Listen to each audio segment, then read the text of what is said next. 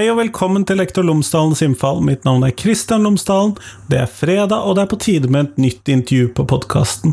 Eller intervju og intervju. Denne gangen er det faktisk en live podkastinnspilling, og det er med stor glede, selvfølgelig. Denne episoden handler om ADHD, om eh, hvordan skolen kan bli en bedre skole for elever med ADHD, hva vi kan lære, hva vi er nødt til å vite, hvordan dybdelæring kanskje kan være en del av dette. Det er mange ting. Dette opptaket det er et livepanel som er gjort eh, på Lærekonferansen 2022, som ble arrangert av ADHD Norge Hordaland fylkeslag. Eh, som Vel, dette her er opptaket fra det. Og i denne panelsamtalen så snakket jeg med Hans Fredrik Sunde fra Folkehelseinstituttet, hvor han er stipendiat. Christian Øen, som er stipendiat ved NLA-høgskolen, og selvfølgelig professor emeritus Peder Haug fra Høgskolen i Volda. Han har jo tidligere vært med på podkasten også. Sånn at her er det litt ulike fagområder som er inne, og jeg tror at det er veldig interessant. Så er selvfølgelig dette en livepodkast, og det er litt mer sånn støyete i mikrofonen. Blant annet så var vi nødt til å ha to sett mikrofoner på oss for å få både lyd til opptaket og for å få lyd i salen. Så litt mer støy enn det pleier, dessverre. Men nå, det begynner å bli ganske bra på podkasten ellers, så jeg håper at du kan leve med det.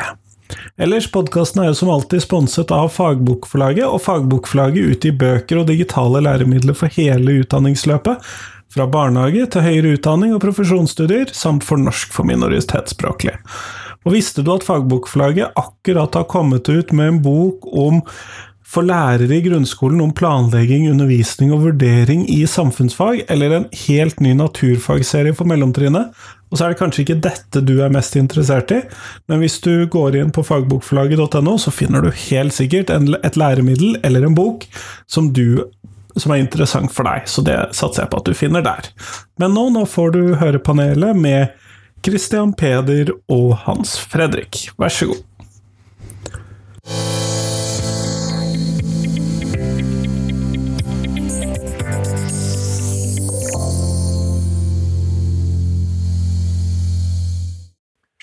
Glimrende. Eh, velkommen til denne delen av Lærekonferansen 2022.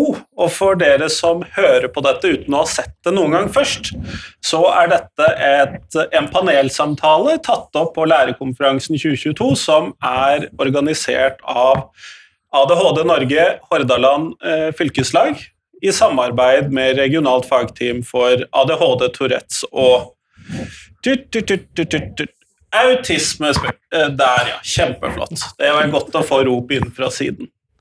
Eh, og så blir dette da sendt på en podkastkanal hos ADHD Norge og på Lektor Lomsdalens innfall, så det er mulig at du får denne opp to ganger i feeden din. Men jeg har med meg tre stykker samlet inn fra de som har vært foredragsholdere i dag, og da må vi nesten finne ut hvem dere er først. Hans Fredrik? Ja, Det er et godt spørsmål. Men på papiret så står det at eh, jeg heter Hans Fredrik Sunde eh, og er eh, doktorgradsstipendiat på Folkehelseinstituttet, hvor jeg forsker på sammenhengen mellom sosiale forskjeller og mental helse. Og prøver å finne ut hvorfor mentale, mental uhelse er mye vanligere i Hva skal man si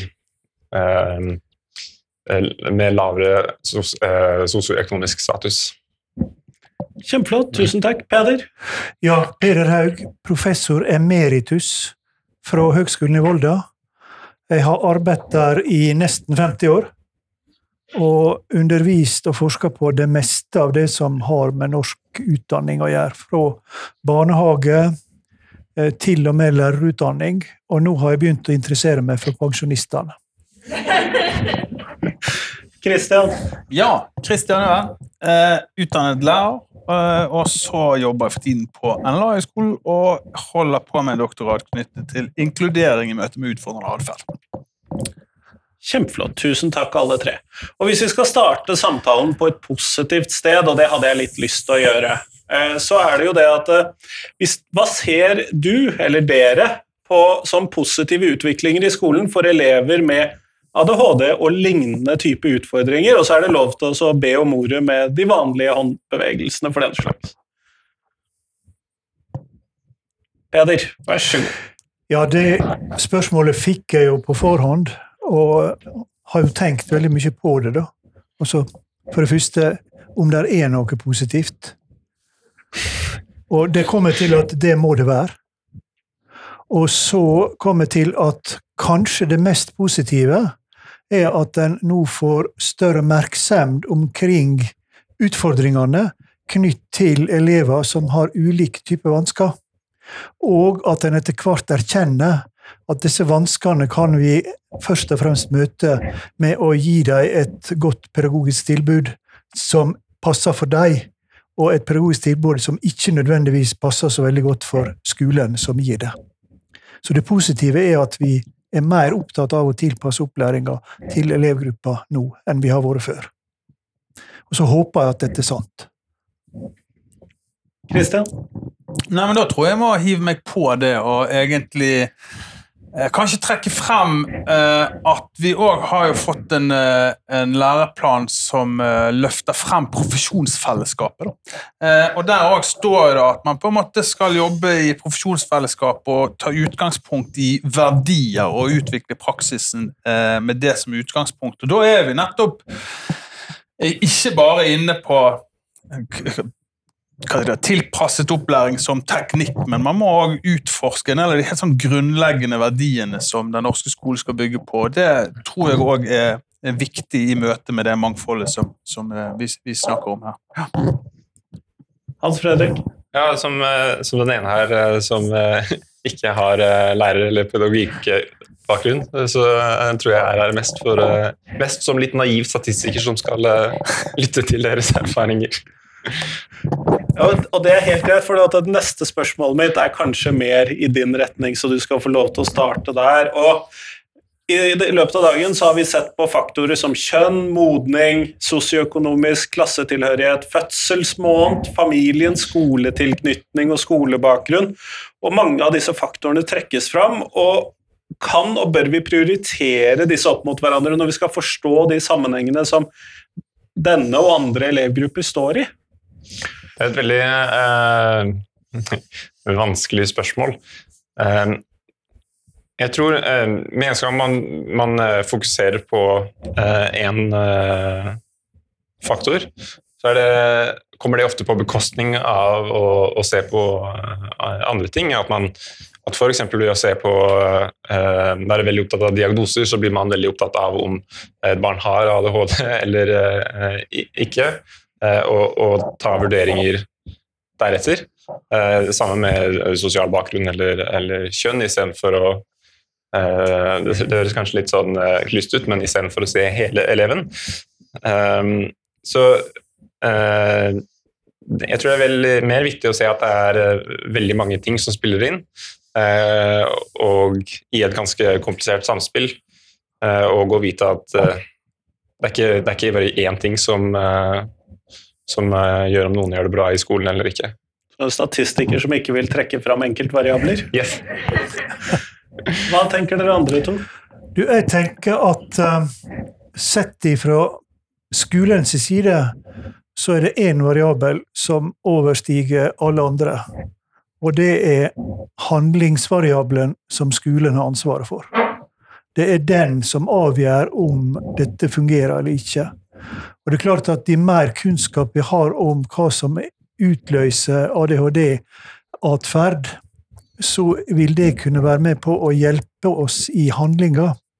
Men det å være opptatt av hvordan skal vi få klare å lage skolen så fleksibel at den passer for andre barn enn de som kan sitte stille i 45 minutter og høre på en lærer snakke i 15, for så å løse oppgaver, og gjøre det hver time, hver dag, i 38 uker i ti år. Hvis vi får til det, da har vi klart det. Hans Fredrik? Ja, her, og her er det eh, litt grunn til eh, optimisme. Noe jeg ikke rakk å, å gå inn på på eh, foredraget mitt, det er at eh, sammenhengen mellom eh, ADHD-symptomer og eh, skoleprestasjoner varierer mye på tvers av skoler. På noen skoler så er det en veldig svak sammenheng mellom ADHD-symptomer og eh, i dette tilfellet eh, nasjonale prøver. Mens på andre skoler så er det en mye sterkere eh, sammenheng. Som betyr at eh, eh, ADHD-symptomer er på en måte ikke en garanti for, eh, for å gjøre det dårlig. At det er noe som du, Det er mulig å lage en skole hvor det ikke er så viktig. Det eneste dumme er at vi vet ikke hva det er ved disse skolene som gjør at det funker. Så det funker, men vi vet ikke helt hva. Så det er jo et, det er et utgangspunkt, da. Christian? Ja, og Det er jo kanskje nettopp det utgangspunktet jeg syns eh, dette er spennende i. da, sant? Fordi at jeg tenker at Mange av disse variable det er jo eh, og viktig for å identifisere hva barrierer er vi faktisk har i skolen. Sant? Eh, eksempel når eh, vi vet at forekomst av ADHD er høyere hos desemberbarn enn januarbarn, så tenker jeg at det er jo fullt forståelig ut fra et modningsperspektiv, men samtidig er det òg helt opplagt en, et dilemma. fordi at sånn som jeg tolker det, så kan man også forstå det som at det her handler om at vi i norsk skole ikke klarer å tilpasse oss den naturlige variasjonen som er innenfor et årskull. på en måte, sant? Og Det er jo en viktig barriere. og Det å undre seg over den type funn og andre type variabler for å ja, virkelig utvikle skole og endre på en del av de rammene og strukturene som er der, det, det er utrolig viktig, tenker jeg. En av de temaene som jeg har snakket med deg om tidligere, Peder, er jo nettopp seksåringene i skolen. Og det er jo det første som hopper frem i meg når, man, når Christian her trekker fram denne, disse desemberbarna. Kunne vi løst dette med senere skolestart for alle elevene, senere skolestart for guttene, fleksibel skolestart? Ville det kunne løst dette, eller er det bare plaster? Ja, det tror jeg. Stoltenberg-utvalget foreslo jo å starte forsøk med altså modnings... Altså en skulle starte skolen når en var skolemoden. Og skolepsykologen i meg reagerer jo veldig sterkt negativt på det. Fordi i 1975 vedtok Stortinget noe som førte til at alle barn skulle begynne på skole når de var sju år. Og så skulle skolen ta seg av disse barna ut ifra barna sine premisser. Hvis en nå skal igjen lage en skole som er slik at den passer for et bestemt modenhetsnivå, da må vi til å skolemodenhetsteste alle barn igjen, og da har vi det gående. Så jeg har en mye større tro på at skolestarten blir langt mer fleksibel, langt mindre orientert om å ha lært alle bokstavene til jul, noe som er umulig for veldig mange barn.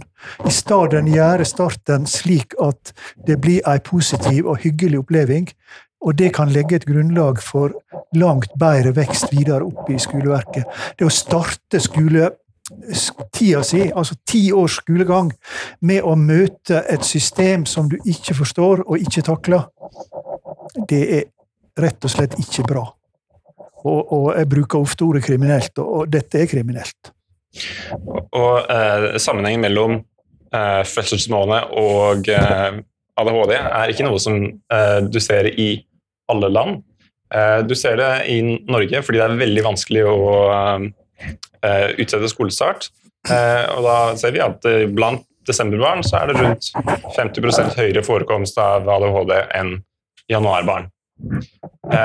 Men hvis man bare går til et land som ligner veldig mye på Norge, nemlig Danmark, der er det veldig lett for foreldrene å ta en egen vurdering om, eh, om, de vil vente et år før de sender barna på skolen. Eh, der ser man ikke en slik sammenheng. Eh, de lærde strides litt om hva som foregår, men det tyder jo litt på at du har en veldig god idé. Kristian? Ja, og så tenker jeg Det er et paradoks her med at vi har eh, jobber mot en inkluderende eh, skole der vi verdsetter likeverd. Og så har man samtidig mye forskning som eh, pusher på en måte kravene òg. Altså når, når, du sier to bokstaver i, i uken og pusher på, så er det pga. at de òg har forskning på at det lar seg gjøre for noen. Sant? Så, så klart at så, så, lenge man hele tiden spisser og spisser kravene og øker terskel for når man forventer at noen skal mestre noe, så vil jo man Uansett om man har en fleksibel Man, man, man skaper jo noen arenaer som som er vanskeligere for flere og flere å være på. Sant? Ja, og det skaper jo et veldig press på lærerne. Mm. Og, og jeg har jo møtt lærere som, som er ulykkelige og, og triste fordi de blir pressa til å gå så fort fram, og de ser hvordan elevene reagerer, og så tårer ikke de, eller får ikke lov til å ta det litt mer med ro. Er det for mye på læreplanen? Nei, dette er nok eh, lesesenteret i Stavanger som eh, må stå til rette for først og fremst, tror jeg. Eh, Det leder meg litt til neste spørsmål som jeg har sendt dere, for jeg har sendt inn noen spørsmål på forhånd. Eh, Og det er en påstand fra min side. Den skolen vi har, er resultatet av en historisk utvikling som nok kan argumenteres for at har hatt som mål å gjøre flest mulig klar for høyskole- og universitetsutdanning. Hvis det stemmer, og så kan dere få lov til å utfordre meg på det òg, for den saks skyld. Eh, hvordan kan vi da skape en best mulig skole for alle elevene, inkludert de elevene som har vært i fokus på dagens konferanse? Hvem har lyst til å starte? Når det kommer til historisk utvikling, Peder, så er vel uh... Jeg har jo opplevd hele historien. Så. Det var det jeg tenkte. Nei, det, det er liten tvil om at eh, idealet for utviklinga av den obligatoriske grunnskolen, det har vært å kvalifisere for høyere utdanning. Da en slo sammen eh, eh, skal vi si, den sjuårige folkeskolen, eh, den toårige framhaldsskolen og den treårige realskolen. Da var det den treårige realskolen sine ideal som ble gjeldende for ungdomsskolen. En gjorde noen forsøk med differensiering, men de forsøkene gikk ikke bra. Så det har ført til at vi har fått ett løp, og det løpet har fremdeles et veldig preg av det som heter gymnasforberedende line med tysk, som jeg gikk på når jeg tok eh, grunnskolen. Så, så dette idealet, det er helt klart. Og utdanningspolitikerne våre er også helt klare på at mange av de utdanningspolitiske endringene som blir gjort i Norge, de blir gjort fordi de blir gjort innenfor OECD-systemet. Og OECD-systemet er utrolig opptatt av å skape utdanningskvalitet med tanke på økonomisk gevinst osv. Og, så og da er det skal vi si det høyt utdanna som først og fremst får omsynet. Så jeg er ikke i tvil om at det er det som eh, har blitt styrende. Hvis vi tenkte oss at det var omvendt, at det var de som streva mest, som skulle bli tatt omsyn til, så hadde denne skolen sett helt, helt annerledes ut. Og så spør du hva skal en gjøre med det, og da vil jeg gjerne tenke litt. Det er helt i orden. Hvilke tanker gjør du deg, Kristian? Nei, jeg, jeg, jeg tenker jo det mye det samme. Altså, også, og så tenker jeg jo at vi, vi har jo et system altså Hvis det er idealet høyere utdanning på topp, så er det litt sånn at man sparker nedover. Sant? Fordi at da må jo videregående de må jo gjøre sånn og sånn for at de skal bli kvalifisert der. Sant? Og så må jo grunnskolen gjøre sånn og sånn for at de skal bli kvalifisert for videregående. Og så må jo barnehagen de må jo kvalifisere til Man må få på en måte en veldig sånne virkninger ned hele tiden. Men så slo det meg òg Kanskje du kan si noe om det, fordi at du sa jo eh, med eh, høy, høy masterutdanning så jo òg ut til å være slå bedre ut selv i praktiske fag. Da, sant? Mener jeg du viste til i sted. Altså? Og, det, og det, er jo på en måte, det er jo fascinerende, hvis det er sånn, for man skulle jo liksom tro at for det teoretiske fag så kunne det òg hjelpe å ha foreldre som hadde høy utdanning, fordi at de støttet opp rundt det. Men spørsmålet, det som slo meg nå, hvis det samme gjelder for praktiske fag, altså er praktiske fag òg nå blitt så teoretisk at du nesten må ha en mor og en far med master for å rett og slett mestre det faget? på en måte, sant?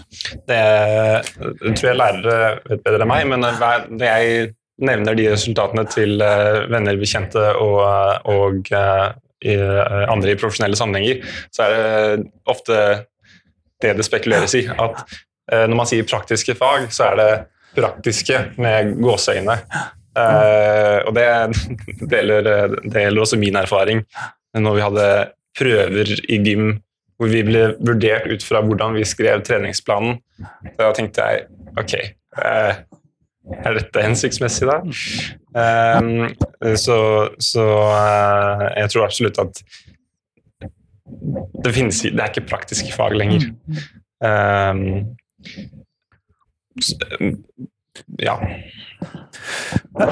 Altså, jeg har tenkt at dersom vi kutter ut matematikk som obligatorisk fag på videregående, da ville vi gjøre tilværet for 30% av eh, elevkullet mye enklere.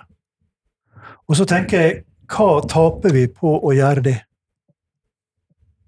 Å presse eh, ungdom til å lære matematikk som de, mange av dem ikke klarer, og som resten av de som ikke liker det, ikke tåler. Og enkelte av dem de får psykiske problemer av det hele. Ved å ta bort matematikk som obligatorisk fag for alle i, på videregående, så vil en kunne gjøre det livet mye lettere. Og det er noen få folk i Norge som har foreslått det, og de får ingen applaus. For en tror at matematikk, det er faget av alle fag som liksom utfordrer intelligensen. Som utfordrer kreativiteten, og som gjør at vi blir innmari innovative. Men vi som ikke klarer å legge sammen to tall, vi klarer ikke å være spesielt innovative heller, tror jeg. Så vi kan sette innsatsen vår på andre felt. Og når jeg sier det, så, så antyder jeg vel egentlig en vei. Og, og den veien den handler om å reetablere en del av faget i skolen til det de en gang var. Og da tenker jeg på de praktiske og estetiske fagene først og fremst. Som på et tidspunkt var praktiske og estetiske. Kunst og håndverk har nå blitt et teoretisk fag med kunsthistorie. Kroppsøving har blitt et teoretisk fag med treningslære osv. Eh, musikk har blitt et teoretisk fag med notelære osv. En har altså hatt ambisjoner som ligger så høyt at det rører bare ved noen få av elevene. De aller fleste elevene de, de trenger kunnskap om å musisere litt, om å springe litt og hoppe litt, og, og smi litt eller hogge litt. De, de, har ikke bruk for denne teoretiske kunnskapen. Men dette har kommet fordi de som representerer disse fagene, er så opptatt av at de skal få en akademisk status. Så når jeg har diskutert dette med representanter for disse fagene, så, så, er det den akademiske statusen de er opptatt av. De er ikke opptatt av elevene som skal gi dem den akademiske statusen. Så det kan være ett steg i det store steget. Kan vi, kan vi ta med sidemål når vi først skal kaste opp? Jeg er litt usikker på hvor lurt det er å gjøre i denne forsamlingen. Jeg sa sidemål. Og jeg vil, vil, ta det, for dette er relatert til noe jeg vil spørre deg om, Christian. Fordi at du har snakket om i dag tilstrekkelig kompetanse til å kunne tilpasse undervisningen og gjøre spesialpedagogiske avgjørelser osv. Og, så og hva vil en sånn tilstrekkelig kompetanse Hva, hva er det? Ja, Det er jo et godt spørsmål. Nei, Nå angrer jeg på at jeg sa tilstrekkelig kompetanse. da. Nei, men jeg tror For meg handler det om at uh, altså kompetanse om mangfold. på en måte. Altså, det er jo det det egentlig handler om. at Altså, vi, har, vi, snakket jo før i dag òg. Understreking. Har du møtt én med ADHD, så har du kun møtt én med ADHD. sånn at Selv om man på en måte dykker inn i den spisskompetansen, så, så, så vi er det likevel det naturlige mangfoldet innenfor der òg. Sånn rett og slett det der ja, kompetanse og erkjennelse av at hva sier du? Det er et stort mangfold i måter å lære på, i måter å være elev på, og, og i større grad bevissthet rundt at det, det må møtes. på en måte. Sant? Men så er det den spagaten her, det er jo det krysspresset som jeg mener at det her er jo, det er jo fryktelig lett å si. sant? Eh, men, men jeg, altså, lærer, jeg har ikke møtt én lærer som mener at inkludering er dumt eller sant? Gjøre sånn Lilleholm de som sier at det er like vanskelig å være imot inkludering som det er å være imot fred. Sant? Og det er, for det er helt opplagt at vi er det, sant? Men, men så står man i krysspress hele tiden. Sant? Eh, man har forventninger fra elevgruppen, fra foreldregruppen, fra ledelsen på skolen, fra skoleeier, og så er det ja, utrolig krevende å være der midt i det. Ja.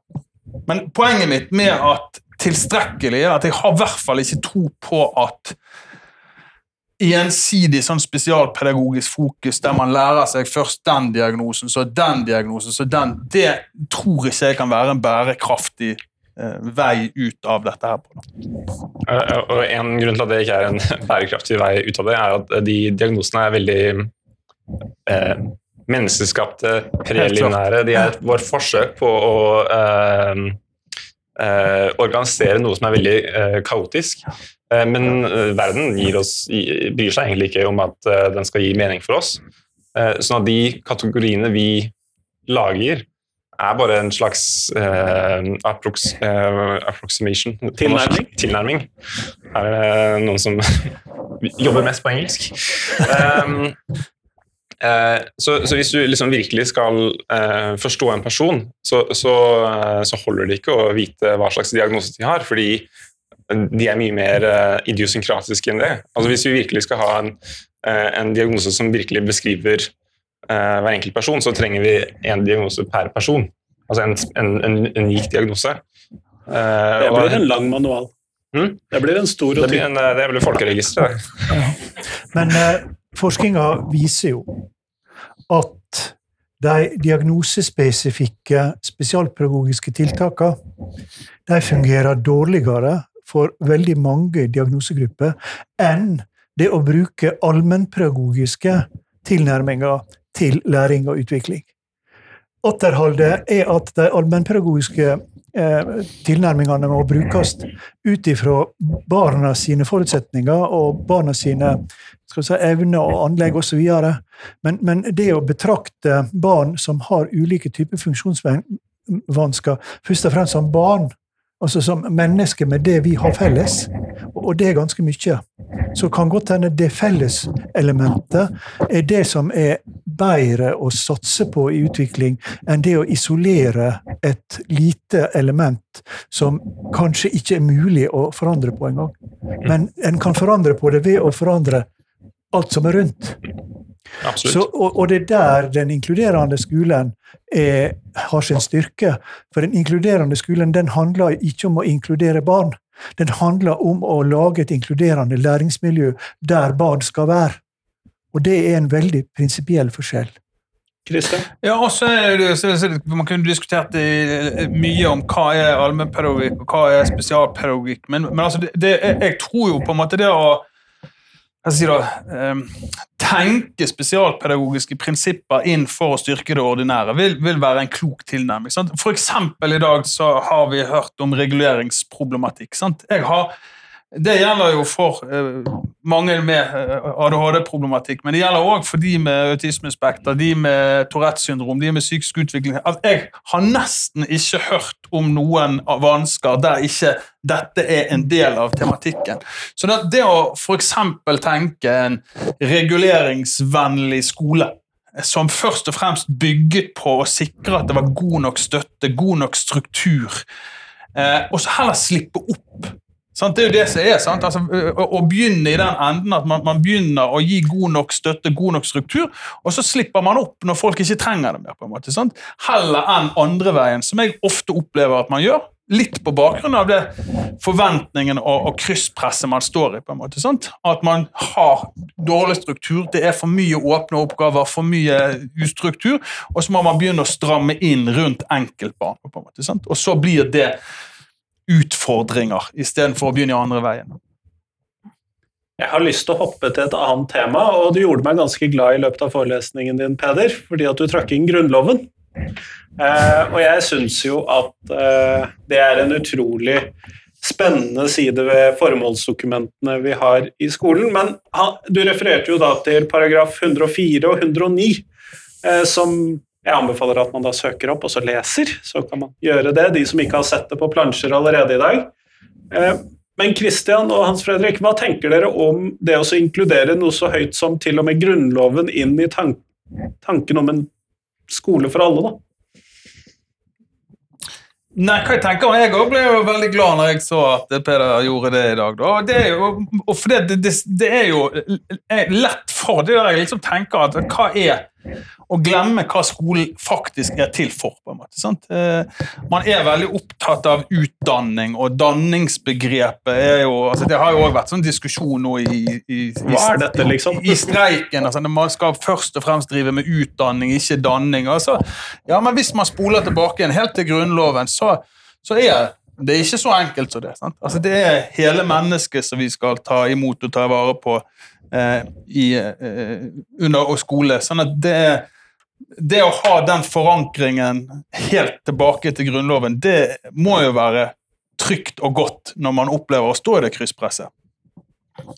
Uh, en annen positiv ting ved å se at det står uh, vettuge ting i Grunnloven, er jo at uh, du trenger egentlig ikke veldig uh, spesialisert uh, opplæringslover osv. Det er jo egentlig ganske Hva skal man si Ikke enkle prinsipper, men det som er utfordrende, er å liksom finne ut hvordan dette skal gjøre. Eh, og en ny lov er på en måte eh, det politikere og jurister kan. En operasjonalisering, rett og slett? Mm -hmm. uh, mens det som virkelig må gjøres for at det skal settes til livs, er jo ikke at politikere og jurister uh, skriver om Grunnloven bare med mer komplisert språk, uh, men at, at vi har gode lærere og lærere som har mulighet til å gjøre en god jobb. Peder, hvilke tanker gjorde du deg når du valgte å inkludere Grunnloven inn i dette? Ja, for det første så uh, tenkte jeg at Grunnloven er jo det dokumentet som forplikter oss alle. Altså, Grunnloven står overalt og er overordna alt. Nå har vi jo sett i forbindelse med streiken at Grunnloven både fast, slår fast streikeretten og retten til opplæring. Og uh, da, man, da står en i en skvis. Så, dette løser naturligvis ikke alle utfordringer, men det det løser, det er altså hvor alvorlig nasjonen har tatt ansvaret for opplæring, hvor alvorlig nasjonen har tatt omsynet til barns beste. Vi har tatt det så alvorlig at vi har flytta det opp i Grunnlova. Og da mener jeg at det må, må forplikte systemet langt, langt mer enn det har gjort tidligere. Og jeg er spesielt opptatt av barns beste som er utrolig komplisert, eh, og som er vanskelig å definere. Jeg var opponent på en doktoravhandling om barns beste. Og eller En av konklusjonene i den avhandlinga var at det beste med omgrepet 'barns beste' er at det er så uklart. og det virker veldig rart, men det er naturligvis helt rett. Fordi barns beste det handler om å vurdere hvert enkelt barns beste. Og hvert enkelt barns beste er avhengig av så veldig mange ulike faktorer som vi har vært inne på før i dag. Og de faktorene må en ta omsyn til. Og da blir det uklart i det store bildet. Du valgte Hans Fredrik tidligere i dag å ikke ta med videregående resultater inn i undersøkelsen din. Mm -hmm. Og det syns jo jeg var interessant. Eh, og jeg skjønner det fordi at det er komplisert og det gjør ting mye vanskeligere. Men har du noen, gjort deg noen tanker, eller har du sett noen funn på det området, eller var det mer uh, dette har jeg holdt meg langt unna, for dette ble for vanskelig. Um, jeg har ikke sett så mange andre funn eh, på det området, nettopp fordi alle de andre som kunne forsket på det, tenker akkurat på samme måte. At uh, vi, vi, vi, har grunnskolepoeng fra ungdomsskolen. De er veldig greie å jobbe med, så vi ser på de. Jeg hører jo en postdoktorstilling et eller annet sted stå og vinke. Dette må jo være et prosjekt. Men jeg har et siste spørsmål, og det er så, Eller det er sikkert ikke det. Jeg har et siste hovedspørsmål som jeg har forberedt deg på. da. Eh, som lærerutdanner så opplever jeg å stå i en spagat mellom faglige, didaktiske og pedagogiske krav inn i lærerutdanningen. Og så er noen av de sånne ting som jeg påfører meg selv, og som jeg syns burde være mer på plass, og andre ting som sjefene mine forteller meg at dette må være på plass. Så det varierer jo litt. Men hva tenker dere at er det viktigste jeg kan ta med meg av kompetanse om ADHD inn i lærerutdanningen når jeg skal møte elevene mine i morgen? Eller unnskyld, de heter studenter. Eh, hva kan jeg ta med inn til dem i morgen? Vi starter med deg da, Kristian. Tar vi den andre veien denne gangen? Ja, nei eh jeg tenker, eh, Kanskje altså det å Det eh, har vært sagt eh, flere ganger i dag om at hva si da, Det å streve med ADHD-problematikk, det å streve med regulering, sant? det er jo Det kan lett forveksles med lat, gidder ikke, orker ikke. Og så er jeg, her er jeg veldig glad i i, i Ross Green, da, som har sitt utgangspunkt som at barn gjør det bra hvis de kan. på en måte, sant? Eh, Som er tydelig på altså har man ferdighetene som skal til, ja, så vil de aller fleste barn være medgjørlige. De, vil, de ønsker jo å bidra positivt inn. Da, sant? Sånn at når man da står i møte med barn og unge som strever enten faglig eller sosialt, den nysgjerrigheten og åpningen for at det kanskje er et eller annet som er for vanskelig her, det tror jeg er et viktig utgangspunkt. Da. Eh, og så eh, utforske og være nysgjerrig på hva, hva skal da eventuelt til for at de mestrer. Eh, ja. Peder? Nå har jeg jobba i lærerutdanninga i ganske mange år og veit jo hva lærerutdannere strides om. Og i det store bildet så er det jo pedagogikk versus fag. Altså hva er viktigst, og hva trenger en mest av? Og det har vi aldri blitt enige om, og kommer aldri til å bli det heller. Men for meg som pedagog så er det helt åpenbart at uh, elevgrupper med ADHD, som veldig mange andre av elevgruppene som strever, de representerer et gedigent pedagogisk, en gedigen pedagogisk utfordring. Altså Det handler om inngående kunnskap om elever, om individ.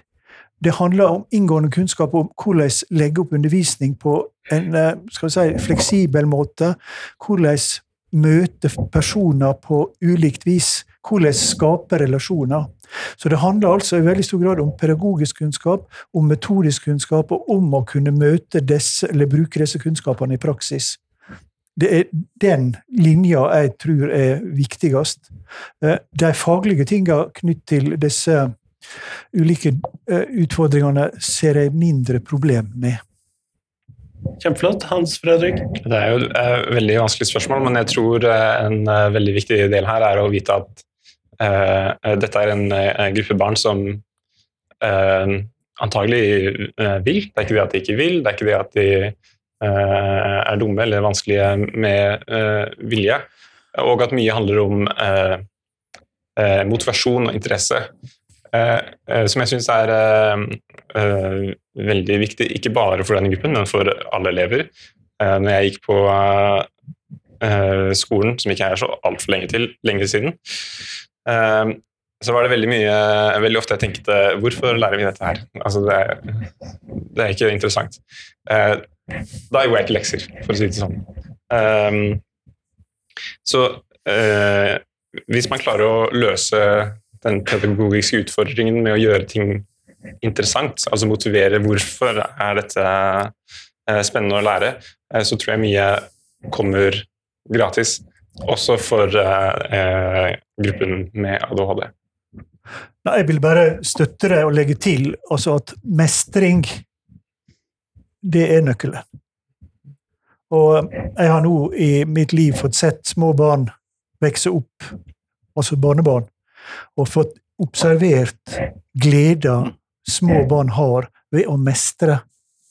Og, og den gleden er så stor, og gir sånn følelse, at jeg tenker Tenk hvis flere i eldre, altså eldre barn og elever kunne få oppleve mestring på samme måte. Stor glede, fantastisk kry av seg sjøl, og lyst til å gå videre. Der har du min fulle støtte. Da kan vi også gå tilbake til det vi nevnte i stad, om hvordan de eh, praktiske fagene har blitt såpass teoretiske, hvor det da ikke lenger er rom for eh, mestring. Du kan ikke eh, føle at du eh, gjør det bra i en sport eller får til å spille et instrument fordi du er opptatt med å lære musikkteori. Eh, så kanskje vi kan eh, gjøre de teoretiske fagene litt mer praktiske istedenfor de praktiske fagene litt mer teoretiske. Fordi matte er et praktisk fag. Det har jeg aldri oppdaget. Eh, Men der tror jeg vi er kommet til veis ende. Tusen takk for at dere har vært med i hele dag, og takk for at dere var med i panelsamtalen nå. Kan du trykke på den ved siden av?